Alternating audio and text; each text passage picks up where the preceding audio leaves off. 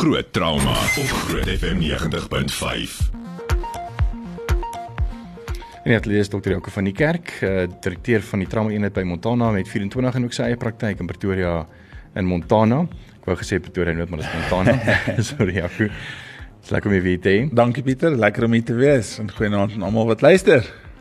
Ons begin met uh, so 'n paar mediese of nuus op die mediese front wat nuus gemaak het en ons hoor 'n bietjie wat is dokter Jaco van die kerk sy opinie hieroor. Ehm um, dit lyk vir my dat dokter Tim de Maai wat ons nou reeds oor gepraat het Jaco, ehm um, die vletjieblaser wat nou gesê het hulle wil hom ehm um, afdank en uh het toe nou nie ehm um, enige aanklagte teen hom gehad nie.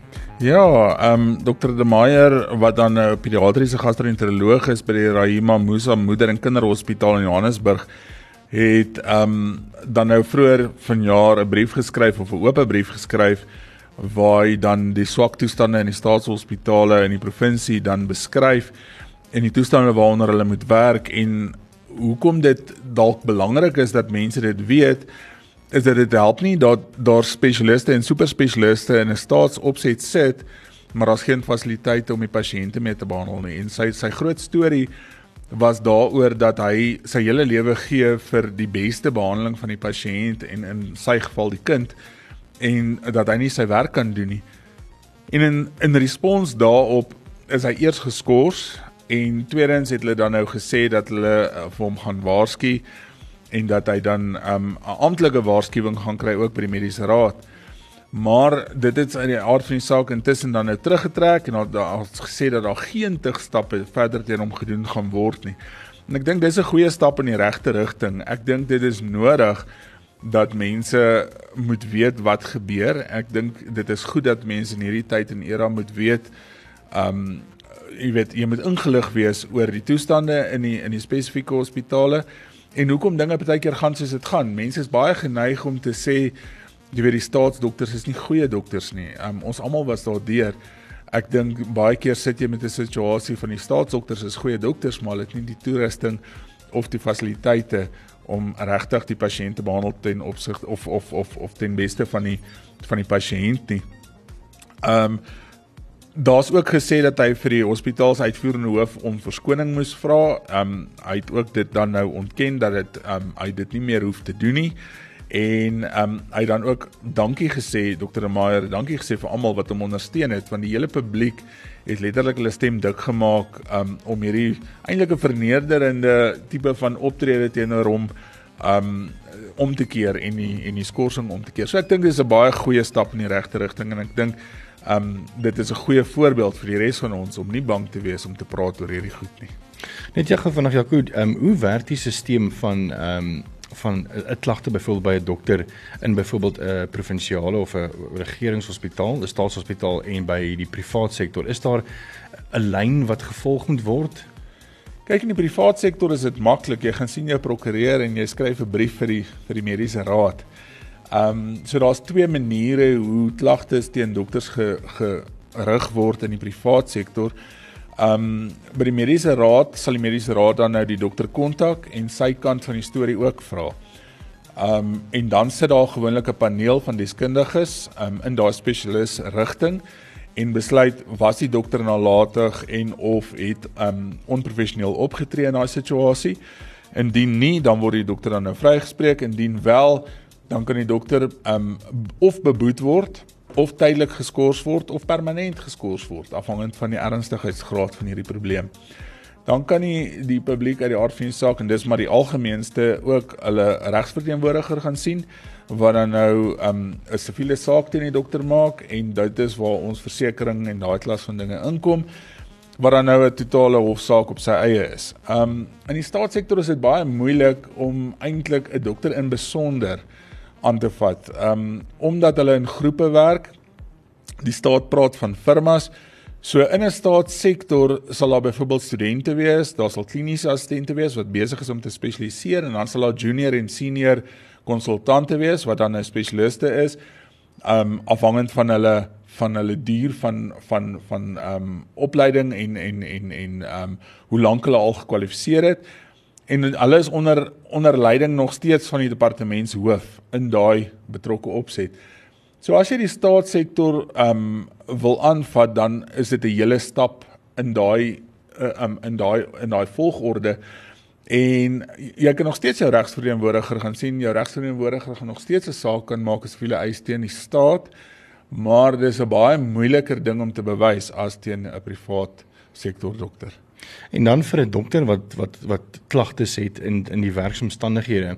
Ehm um, hoe is daar 'n rang wat volgens hulle werk om te kla oor goederes? Ehm um, byvoorbeeld in die provinsie of die staatssektor en dan ook in die privaat sektor of is dit twee verskillende ja, maniere? Kyk in die in die staatssektor is dit weer makliker vir die dokter want die dokter gaan kla by sy sy direkte hoof en jy kan ook gaan kla by die die CEO of die uitvoerende hoof van die van die hospitaal. Um en ek dink dit is wat hierdie wat hierdie dokter De Meyer ook gedoen het en hy het net geen reaksie gekry nie en hy het so half moedeloos geraak en dis hoekom hy die oop brief geskryf het. Jy gaan nie dadelik en gaan skryf 'n oop brief en en en jy weet um sit al jou klagtes op op die tafel nie. Jy het 'n 'n lyn van klagtes en daar's 'n griefprosedure in die staat. In die privaat sektor is dit 'n baie moeilike ding. Um daar is nie regtig 'n manier hoe ons kan kla oor werksomstandighede nie. Ehm um, ek moet sê die die privaat sektor groepe, die hospitaalgroepe probeer hulle beste om om die dokters te te akkommodeer. Ehm um, daar is uh, wat hulle praat van 'n PAB of 'n Physicians Advisory Board by elke hospitaal wat dan bestaan uit al die spesialiste van die hospitaal wat dan gereeld vergaderinge hou en hulle gruwe met mekaar bespreek en dan potensiële oplossings probeer soek vir hierdie gruwe. Maar ehm um, jy kan nie byvoorbeeld sê die pasiënt het jou sleg behandel ensovoorts en en daar's 'n daar's 'n gruwe prosedure daarvoor nie. Waar daar in die staat is jy nou in Steve Biko gaan instap byvoorbeeld, ehm um, sal jy sien daar is 'n patient right charter, maar daar's ook 'n doctors right charter. En ek dink baie keer in die privaat sektor vergeet die pasiënt dat die dokter ook regte het en nie hmm. net die pasiënt as sulks nie. So albei het regte en albei se regte moet beskerm word want as mens na die na die grondwet gaan kyk is daar eintlik drie goed wat dit opsom en die die Engels daarvoor is dignity, equality en respek. So jy moet respek hê vir mekaar of jy die dokter is of die pasiënt. Um jy is gelyk en jy moet mekaar met in die nodige dignity behandel um en dit gaan wederzijds. Dit gebeur nie altyd so nie en ek dink um daar's baie verbale um abuse kan ek amper sê dis nou baie lelike um Engels wat ek nou hier tussenin gooi.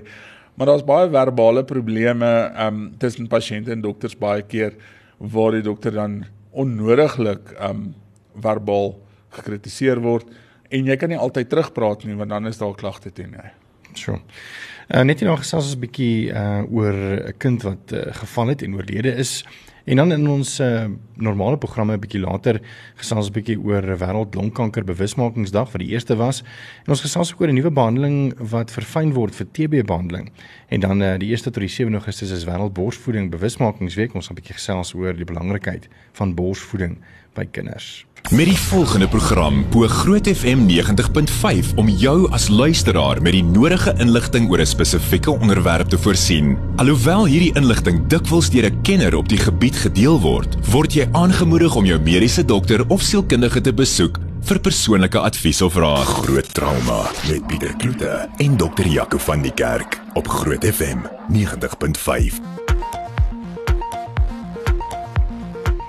Dis nou tyd vir so 'n paar stories op die mediese front wat nuus gemaak het en ons hoor 'n bietjie wat is dokter Jaco van die kerk se uh, opinie daar rondom. Uh, Jaco ek lees dat 'n 6-jarige het aan sy dood geval en ek meen ons lees uh, bykans elke maand van 'n kind wat ehm um, wat dood is weens 'n val.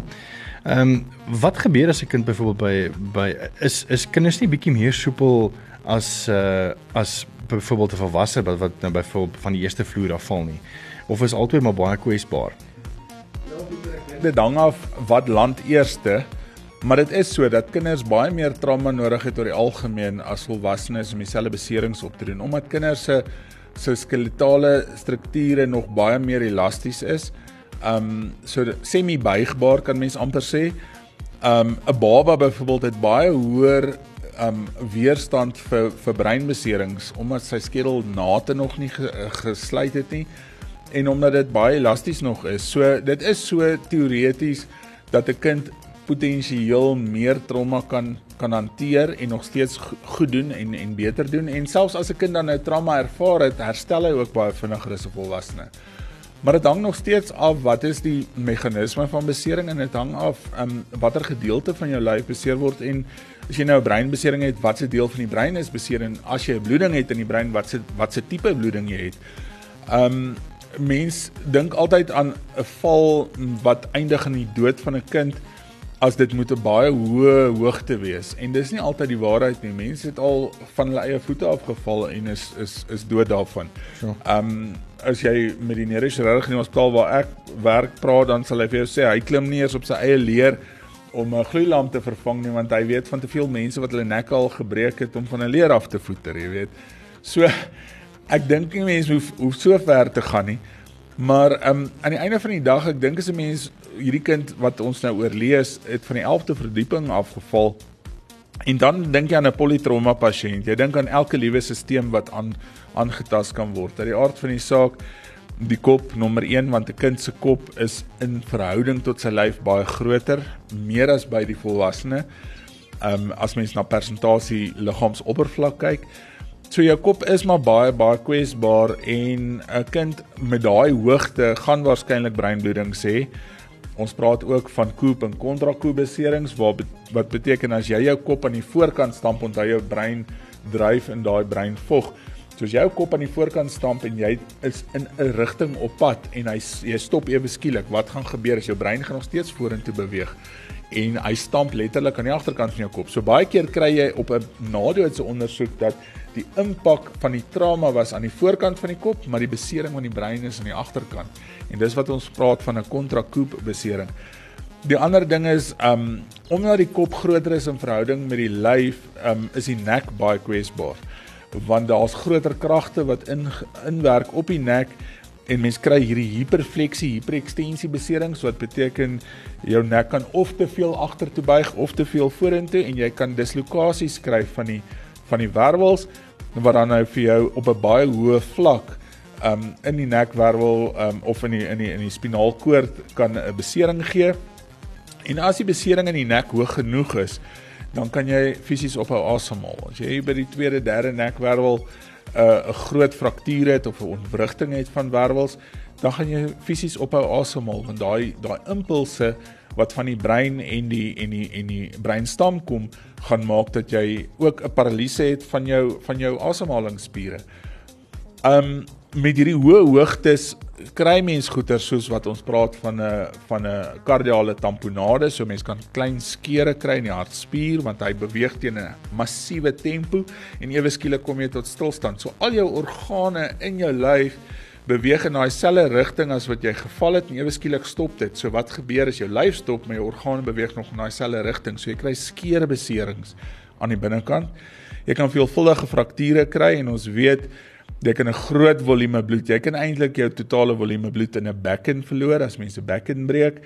Jy kan jou totale volume bloed verloor in 'n borskas. Um as daar genoeg ribbes breek, um en dit dan nou die long beseer. En dan uit die aard van die saak, kinders is baie baie geneig om milt en lewer skeure ook te kry. Um omdat hulle milt en lewer ook nog relatief groot is in verhouding met die ander organe in die buik. Um wat ek al gesien het in trauma baie keer is as jy 'n polytrauma pasiënt kry is ook um nierskeure, nierlaserasies. Um en dis 'n massiewe bloeding en dit is 'n area wat mense nie altyd dadelik sien nie want dit die niere sit in 'n ding in 'n in 'n plek wat ons die retroperitoneale spasie noem wat beteken dit sit agter die buik want organe wat in eintlik 'n sak is of die peritoneum is en dit sit agter dit. En retroperitoneale bloeding selfs in volwassenes is baie baie skelm goed en baie keer kom jy dit baie laat eers agter jy kan 'n groot volume bloed verloor in daai area. So ek dink as 'n mens gaan kyk na na hierdie meganisme van 11 vloere of 11 verdiepingsval is daar eintlik geen manier dat die meeste mense dit sal oorleef nie. Dit sal eintlik 'n wonder wees as mense dit oorleef en as jy dit oorleef, gaan jy met baie baie ernstige nagevolge um sit uh, aan die einde van die dag. I mean 'n polytrauma pasiënt wees vir baie lank. Net 'n laaste vraag oor dit. Um hoe hoe sien julle in 'n trauma eenheid dat daar intern of of uh, inwendige bloeding is? Is daar sekere goed waarna julle kyk? Ja, dit dis eintlik baie interessant. Um, in die ou dae, ek sê nou in die ou dae en ek ek stel myself nou in daai in daai lig so ek sê seker nou hoe oud is ek.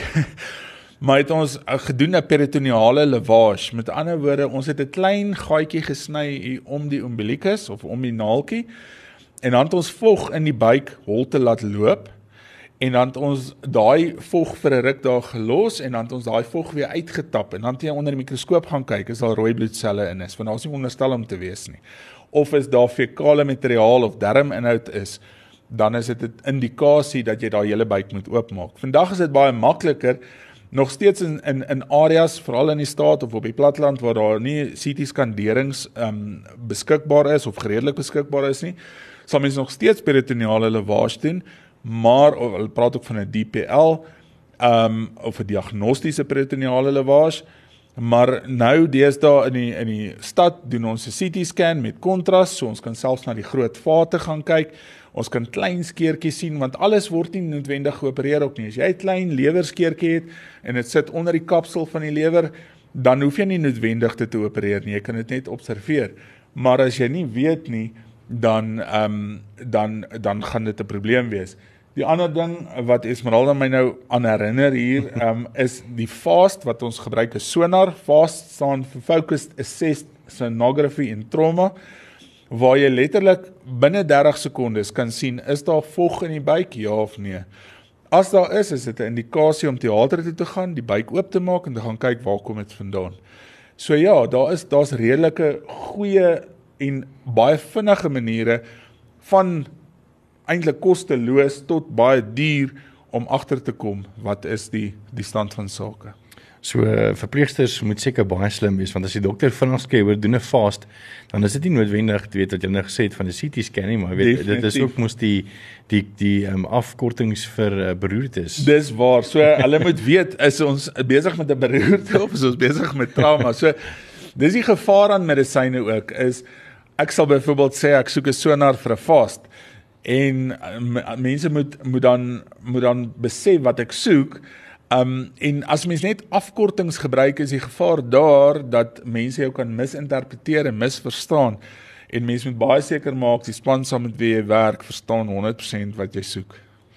Nou ja, dit is uh, vandag se mediese fokus uh, op nuus wat um, in uh, die nuus gemaak is. Net en nogals 'n bietjie gesels oor die ehm um, weet heuning en sy mediese waarde en dan ook of ja, medie as uh, as 'n mediese produk en dan bietjie later ook gesels ons 'n bietjie oor TB en die meer. En as enige vrae het oor mediese uh, of enige mediese vrae het, laat weet vir ons op 0616104576 onthou standaard tariewe geld. Groot trauma op Groot FM 90.5. Ons gesels 'n bietjie later oor 'n nuwe behandeling vir TB en uh, dan gaan ons gesels oor die, die voordele van uh, borsvoeding en dan uh, ook uh, gaan ons 'n bietjie gesels eers oor heuning, Jaco. Ja, Pieter, almal dink aan heuning um of dis die derde is vandag internasionale of wêreld heuning bydag. En almal dink aan heuning is net goed wat jy in jou tee gooi of in jou koffie gooi of op jou brood smeer. Maar meeste van ons um gebruik heuning in 'n mediese opset ook. Um mense kry mediese graad heuning wat dan gewoonlik gesteriliseer is deur middel van bestraling, praat van gamma bestraling. En dit keer maar net dat jy nie infeksies in 'n wond inbring nie, maar heuning is 'n is 'n baie ek wil sê versatile maar eintlik veel veelsidige ja. wondbehandelings um modaliteit of wondbehandelings um eintlik tool wat ons het. Um dit kan gebruik word vir vir akute wonde of goed wat nou gebeur het of vir kroniese wonde. Al hierdie hierdie kroniese seere en ulkusse aan die bene. Jy kry baie van hierdie ouer mense wat seere aan die bene het wat net nie wil gesond word nie. En heuning is baie baie belangrik daarvoor ook. Um dis meer geïndikeer vir hierdie dooie selle wat op die wonde sit. Jy kry baie keer hierdie wonde wat Jy sien so geelerige oppervlakte. Dis eintlik maar dooie selle wat daar sit en dis om daai wond skoon te maak want ons praat daar's baie ensieme in hierdie in hierdie heuning wat dan gebruik word vir die skoonmaak of die debridement van hierdie hierdie wonde en die beginsel hoe dit werk is dat dit eintlik vog en dooie selle uit die wondbed uittrek en daar's 'n proses met naam van osmose wat beteken dat enige ding van 'n hoë konsentrasie of 'n hoë konsentrasie inhoud van 'n van 'n ding na 'n lae konsentrasie sal beweeg.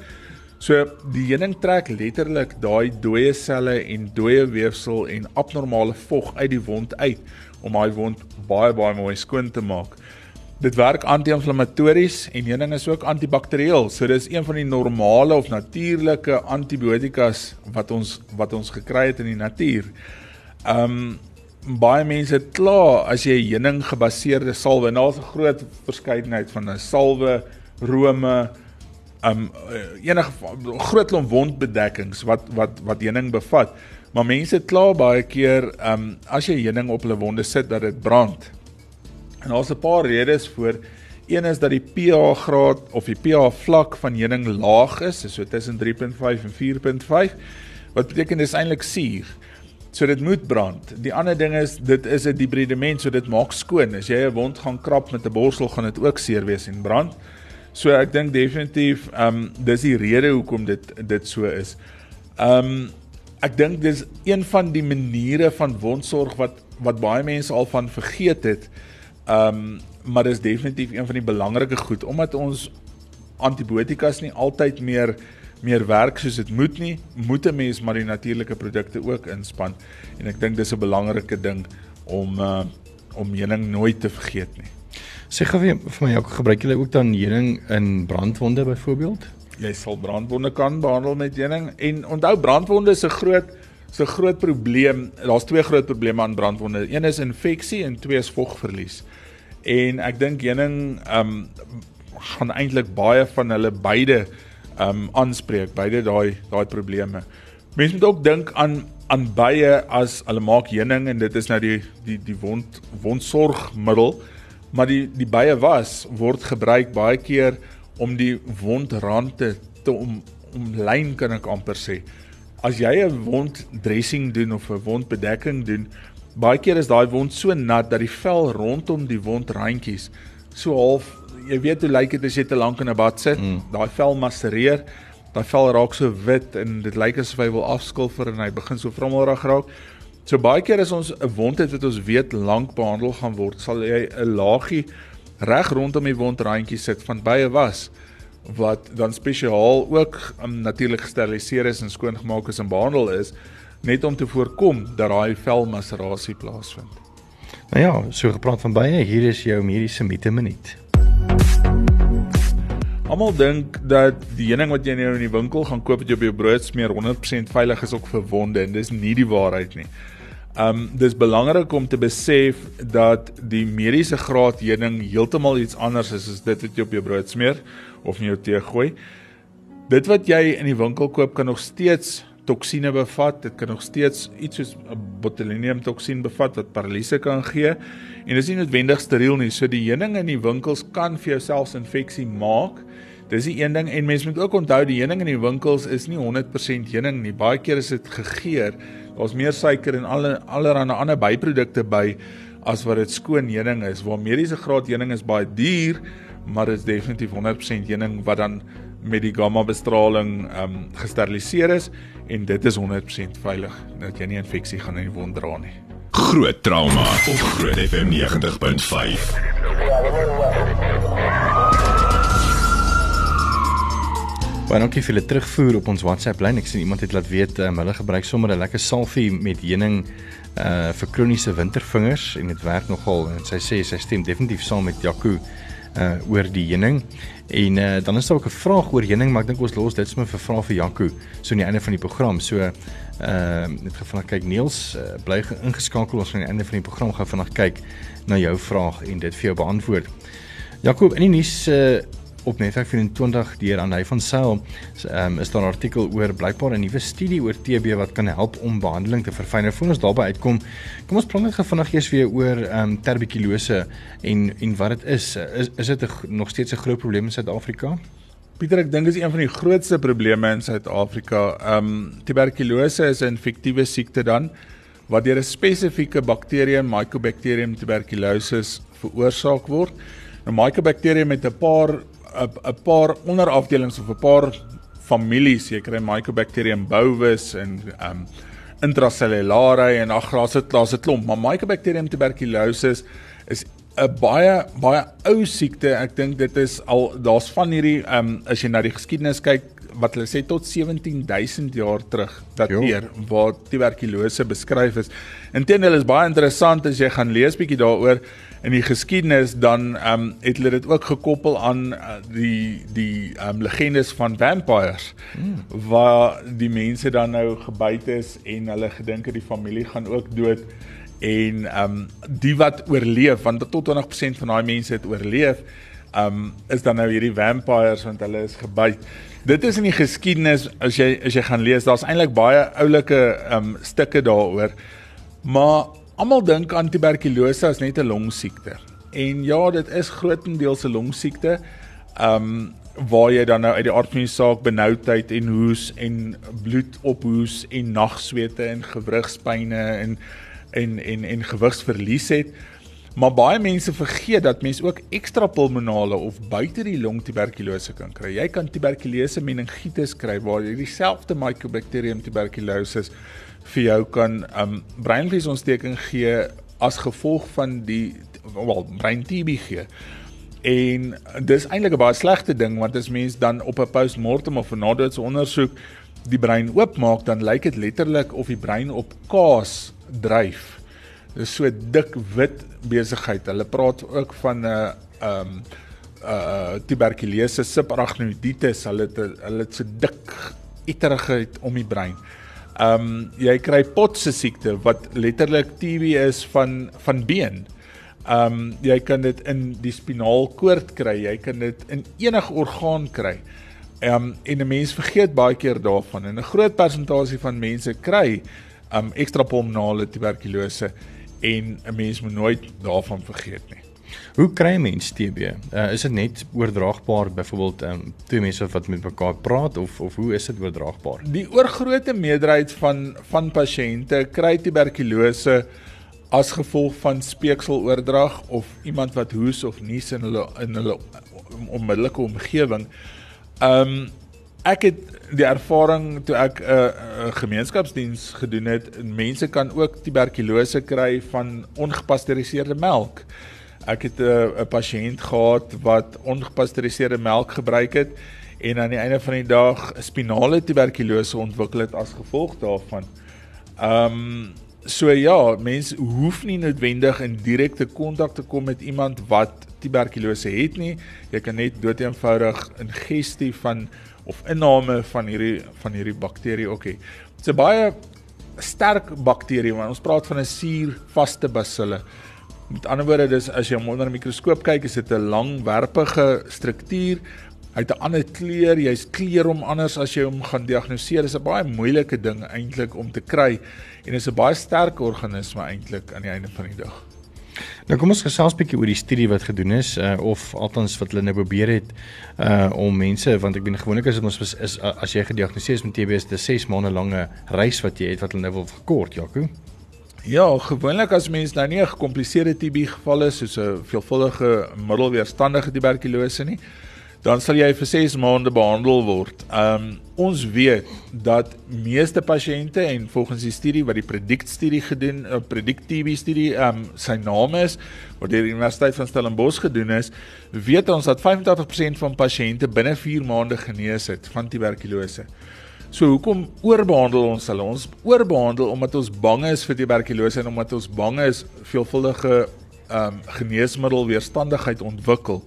As ons gaan kyk in Suid-Afrika dan ehm um, en en die studie sê dit ook, dan sal jy gelyk staan aan 15 vol Boeing pasiënt of Boeing vliegtye se pasiënte per dag sal sterf van tuberkulose op hierdie stadium soos wat ons hier sit. Alhoewel dit 'n ou siekte is, al, alhoewel dit 'n siekte is wat baie goed behandel kan word, is dit 'n siekte wat nog steeds baie baie pasiënte ehm um, laat sterf. So 85% van pasiënte is genees binne 4 maande, net 15% van pasiënte het regtig 6 maande nodig. So hoekom oorbehandel ons hulle? Is dis die rede. Ehm um, hoe gaan ons bepaal voor die tyd en dis waar die studie inkom, die predict TB studie om te bepaal watter pasiënte ons letterlik net vir 4 maande hoef te behandel.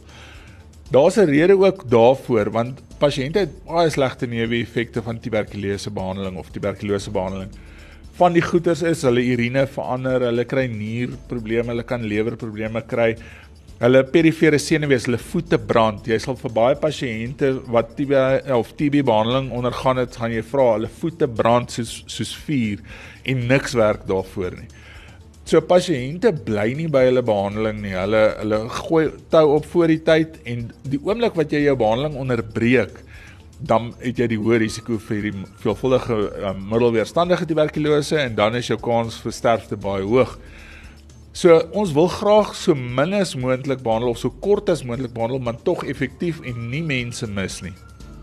So wat hulle gaan doen het is hulle 'n uh, um, 'n CT skandering gaan doen van van 700 pasiënte wat deel is van hierdie studie en hulle het gaan kyk na spesifieke voor die tyd, tydens en na die tyd um veranderinge wat plaasvind op hierdie CT skanderings en probeer bepaal op grond daarvan um watter pasiënte vroeg dan nou genees gaan word as jy gaan kyk na die begin en middelfase van die CT scan se bevindinge. Nou ongelukkig het die studie nie 100% 'n goeie uitkoms gehad in terme van 'n 100% voorspellingswaarde nie, maar dit gee 'n baie goeie idee vir verdere studies om te gaan kyk na na parameters om te kyk wat se veranderinge op op CT scan net soos wat ons op COVID gehad het. Um, voor COVID se pandemie het ons nie geweet hoe lyk COVID op op 'n CT scan nie. Nou kan ons al 'n gradering daarvan gee.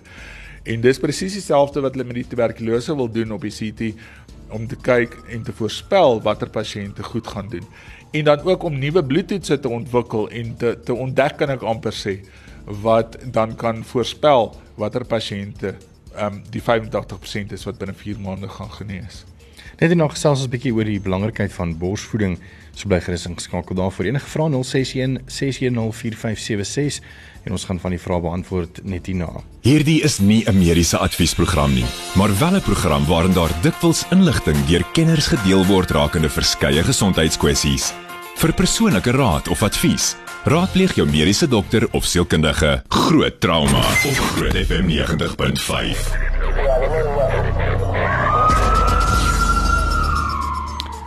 Die 1ste tot die 7de Augustus is wêreld borsvoeding bewusmakingsweek en uh, Jaco, hoekom is dit belangrik dat 'n mens letterlik dat daar nou tot 'n uh, hele week wêreldwyd ehm um, geskep is om bewus te maak of bewusmaking te skep rondom borsvoeding? Ek dink borsvoeding is is baie belangrik en ek dink dit die klem word heeltemal uh, daarvan weggeneem. As mens gaan kyk na die statistiek sê hulle daar's 135 miljoen babas wat elke jaar gebore word. Net 42% van hulle word in die eerste uur van lewe geborsvoed. Um 38% van moeders uh, praktiseer eksklusiewe borsvoeding in die eerste 6 maande van lewe en 58% van die moeders van daai 42% wat begin het sal dan nou aangaan tot op die ouderdom van 2 jaar en later. So eintlik minder as die helfte van kinders wat gebore word eindig op borsvoeding. Nou dis ongelooflik belangrik veral in die begin eintlik um weens die nutrisionele komponente van borsvoeding wat baie daai borsmelk is baie baie gesond in terme van die absorpsie van die voedingsstowwe is baie makliker. Borsmelk kom ook in twee forme. Um jy kry 'n voormelk en 'n namelk soos die ou ouer mense gesê het, jy weet die een helfte is vir die voedingsstowwe en die ander helfte is vir die dors. So jy kan eksklusief borsmelk gee. Jy hoef nie iets anders by te gee nie. Ehm um, borsmelk uit die aard van die saak het 'n groot klomp voordele. Ehm um, uit die aard van die saak goed soos ehm um, uh infeksievoorkoming. Daar's 'n groot studies of groot studies wat gedoen word oor mense wat Crohn se siekte van die van die darmkanaal het wat um, voorkom kan word deur borsvoeding. So daar's 'n groot groot klomp voordele vir die vir die baba, maar ook vir die moeder, want vir die moeder help dit vir postpartum bloeding. Dit help vir um, in tot 'n mindere mate seker vir kontrasepsie. Dit help vir daai band tussen ma en en en kind. Um, so vir beide die twee um entiteite, die kind en die ma, is daar groot groot voordeel vir borsvoeding en ek dink definitief 'n mens moet dit weer eintlik op mense se harte druk dat dit eintlik die die die metode van keuse is om voeding te gee vir 'n kind almal dink altyd die blikmelk is die maklikste en dit is sekerlik die maklikste, Maar daar's baie maniere. Jy hoef nie noodwendig die kind aan die bors te sit nie. Jy kan uitmelk. Jy kan letterlik uh, jou melk voor die tyd gee en jy hoef nie enige plek oral te sit en te borsvoed nie. So mens kan dit vir jouself gemaklik ook maak. Um as jy regtig wil en net bietjie beplan. En dan die 1 Augustus eh, wat nou al reeds verby is, was wêreld longkanker bewusmakingsdag. Wat sou jy sê is die grootste oorsaak van longkanker? In jou opinie? Pieter as mens al die goed gaan lees, dan gaan um mens die woord rook eers te hoor en ek weet daar's baie mense daar buite wat my nou gaan doodry en sê maar hulle rook nou al 100 jaar en hulle het nog niks oorgekom nie en dit is so daar's baie mense wat wat hulle hele lewe deur rook en niks niks gebeur nie. Um ek het op universiteit 'n professor gehad, professor Baai, hy was die hoof van interne geneeskunde toe ek 'n 4de en 5de en 6de jaar was. En hy het altyd gesê die hoofoorsaak van longkanker is rook, nommer 1, rook nommer 2 en rook nommer 3 en dan later mhm. kom goeie soos lugbesoedeling, asbes. Um so daar is 'n klomp ander goed ook, blootstelling aan inhalante en goed wat jy inasem, maar enige verbranding wat koolstof um verbindings vrystel het 'n verhoogde risiko vir longkanker. Enige ding wat die longweefsel irriteer wat kan maak dat hy ongereguleerd ver vermeerder die selle um verdeel en begin groei, het 'n risiko vir longkanker.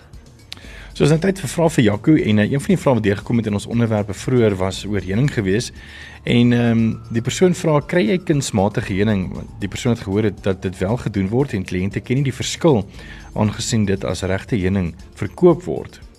Ja, ek weet nie of mense dit kunsmatige heuning moet noem nie, maar ek dink meeste van die heuning wat ons in die winkel kry, ehm um, is eintlik tot 'n groot mate glikose of sukrose of 'n vorm van suiker wat gegeer is soos heuning. Um omdat heuning eintlik 'n baie duur entiteit is, um is daar heuning in hierdie produkte, maar die groot groot meerderheid van hierdie produk se volume of se massa word nie noodwendig deur heuning um opgeneem nie.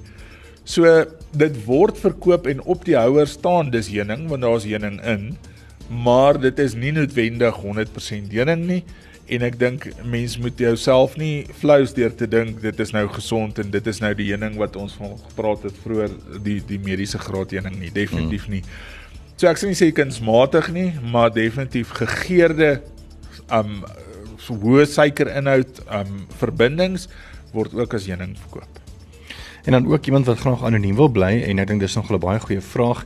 Um die persoon ken iemand wat akute ringworm aan seere en oral aan die lyf toon en het nou al terba blykbaar gebruik of of seker ja. maar tabart of so iets. Uh en tissue oil en seker goed met niks werk nie. Sal heuning oplossing wees hierna? As dit regte ringworm is, gaan heuning waarskynlik nie daarvoor werk nie. Um ek dink daai terby wat hulle van praat dalk terbinafin wat 'n aktiewe bestanddeel is, daar's verskillende handelsname daarvoor maar is terbinafin en terbinafin word gewoonlik vir swamme gebruik. Um so ek dink 'n mens moet as 'n mens regtig al daai goed al gebruik het, gaan sou ek eerder 'n uh, 'n biopsie vat van daai gedeelte en letterlik gaan kyk wat dit regtig is want ek moet vir jou sê ek dink nie heuning op sy eie as al daai ander goed nie effektief is nie gaan gaan nie gaan die ding doen nie. So my voorstel sal wees gaan sien jy dokter en dat hulle waarskynlik 'n biopsie vat en wegstuur en dat 'n mens die ding optimaal kan behandel op grond van histologie en 'n ordentlike diagnose eers maak. Nou dis dit vir van ons 'n groot drama. Was vir my nogal baie uh hoe kan ek sê weet um, geïnteresseerd in van hierdie onderwerpe en was vir my nogal baie insiggewend. So dankie weer eens dokter Janko van die kerk. En volgende week Woensdag aand net na die vakansiedag van Vrouedag, ehm um, gaan ons die hele uur so 'n bietjie oopmaak vir vrae. So as jy enige mediese vrae het wat jy nog altyd oor gewonder het uh, en wou geweet het, hier is jou kans 061 610 4576 onthou standaard tariewe geld wat jy vir ons kan stuur op die aand of as jy nou weet vanaand miskien dalk in die bed aan iets kan dink en jy wil graag vir ons uh, die vraag vra en jy gaan vergeet om dit vir ons te WhatsApp, jy sommer vir my e-pos stuur by pieter@grootfm.co.za en dan kyk ons of ons daai vraag vir jou volgende week kan antwoord. Dankie. Mag ons sê, um, hulle moet dit nie moeilik maak nie. Nee, hulle kan dit asseblief ongelooflik moeilik maak. Dankie Jaco. Baie aan Pieter. Groot trauma met Pieter Kloete en dokter Jaco van die kerk. op Groot FM 90.5.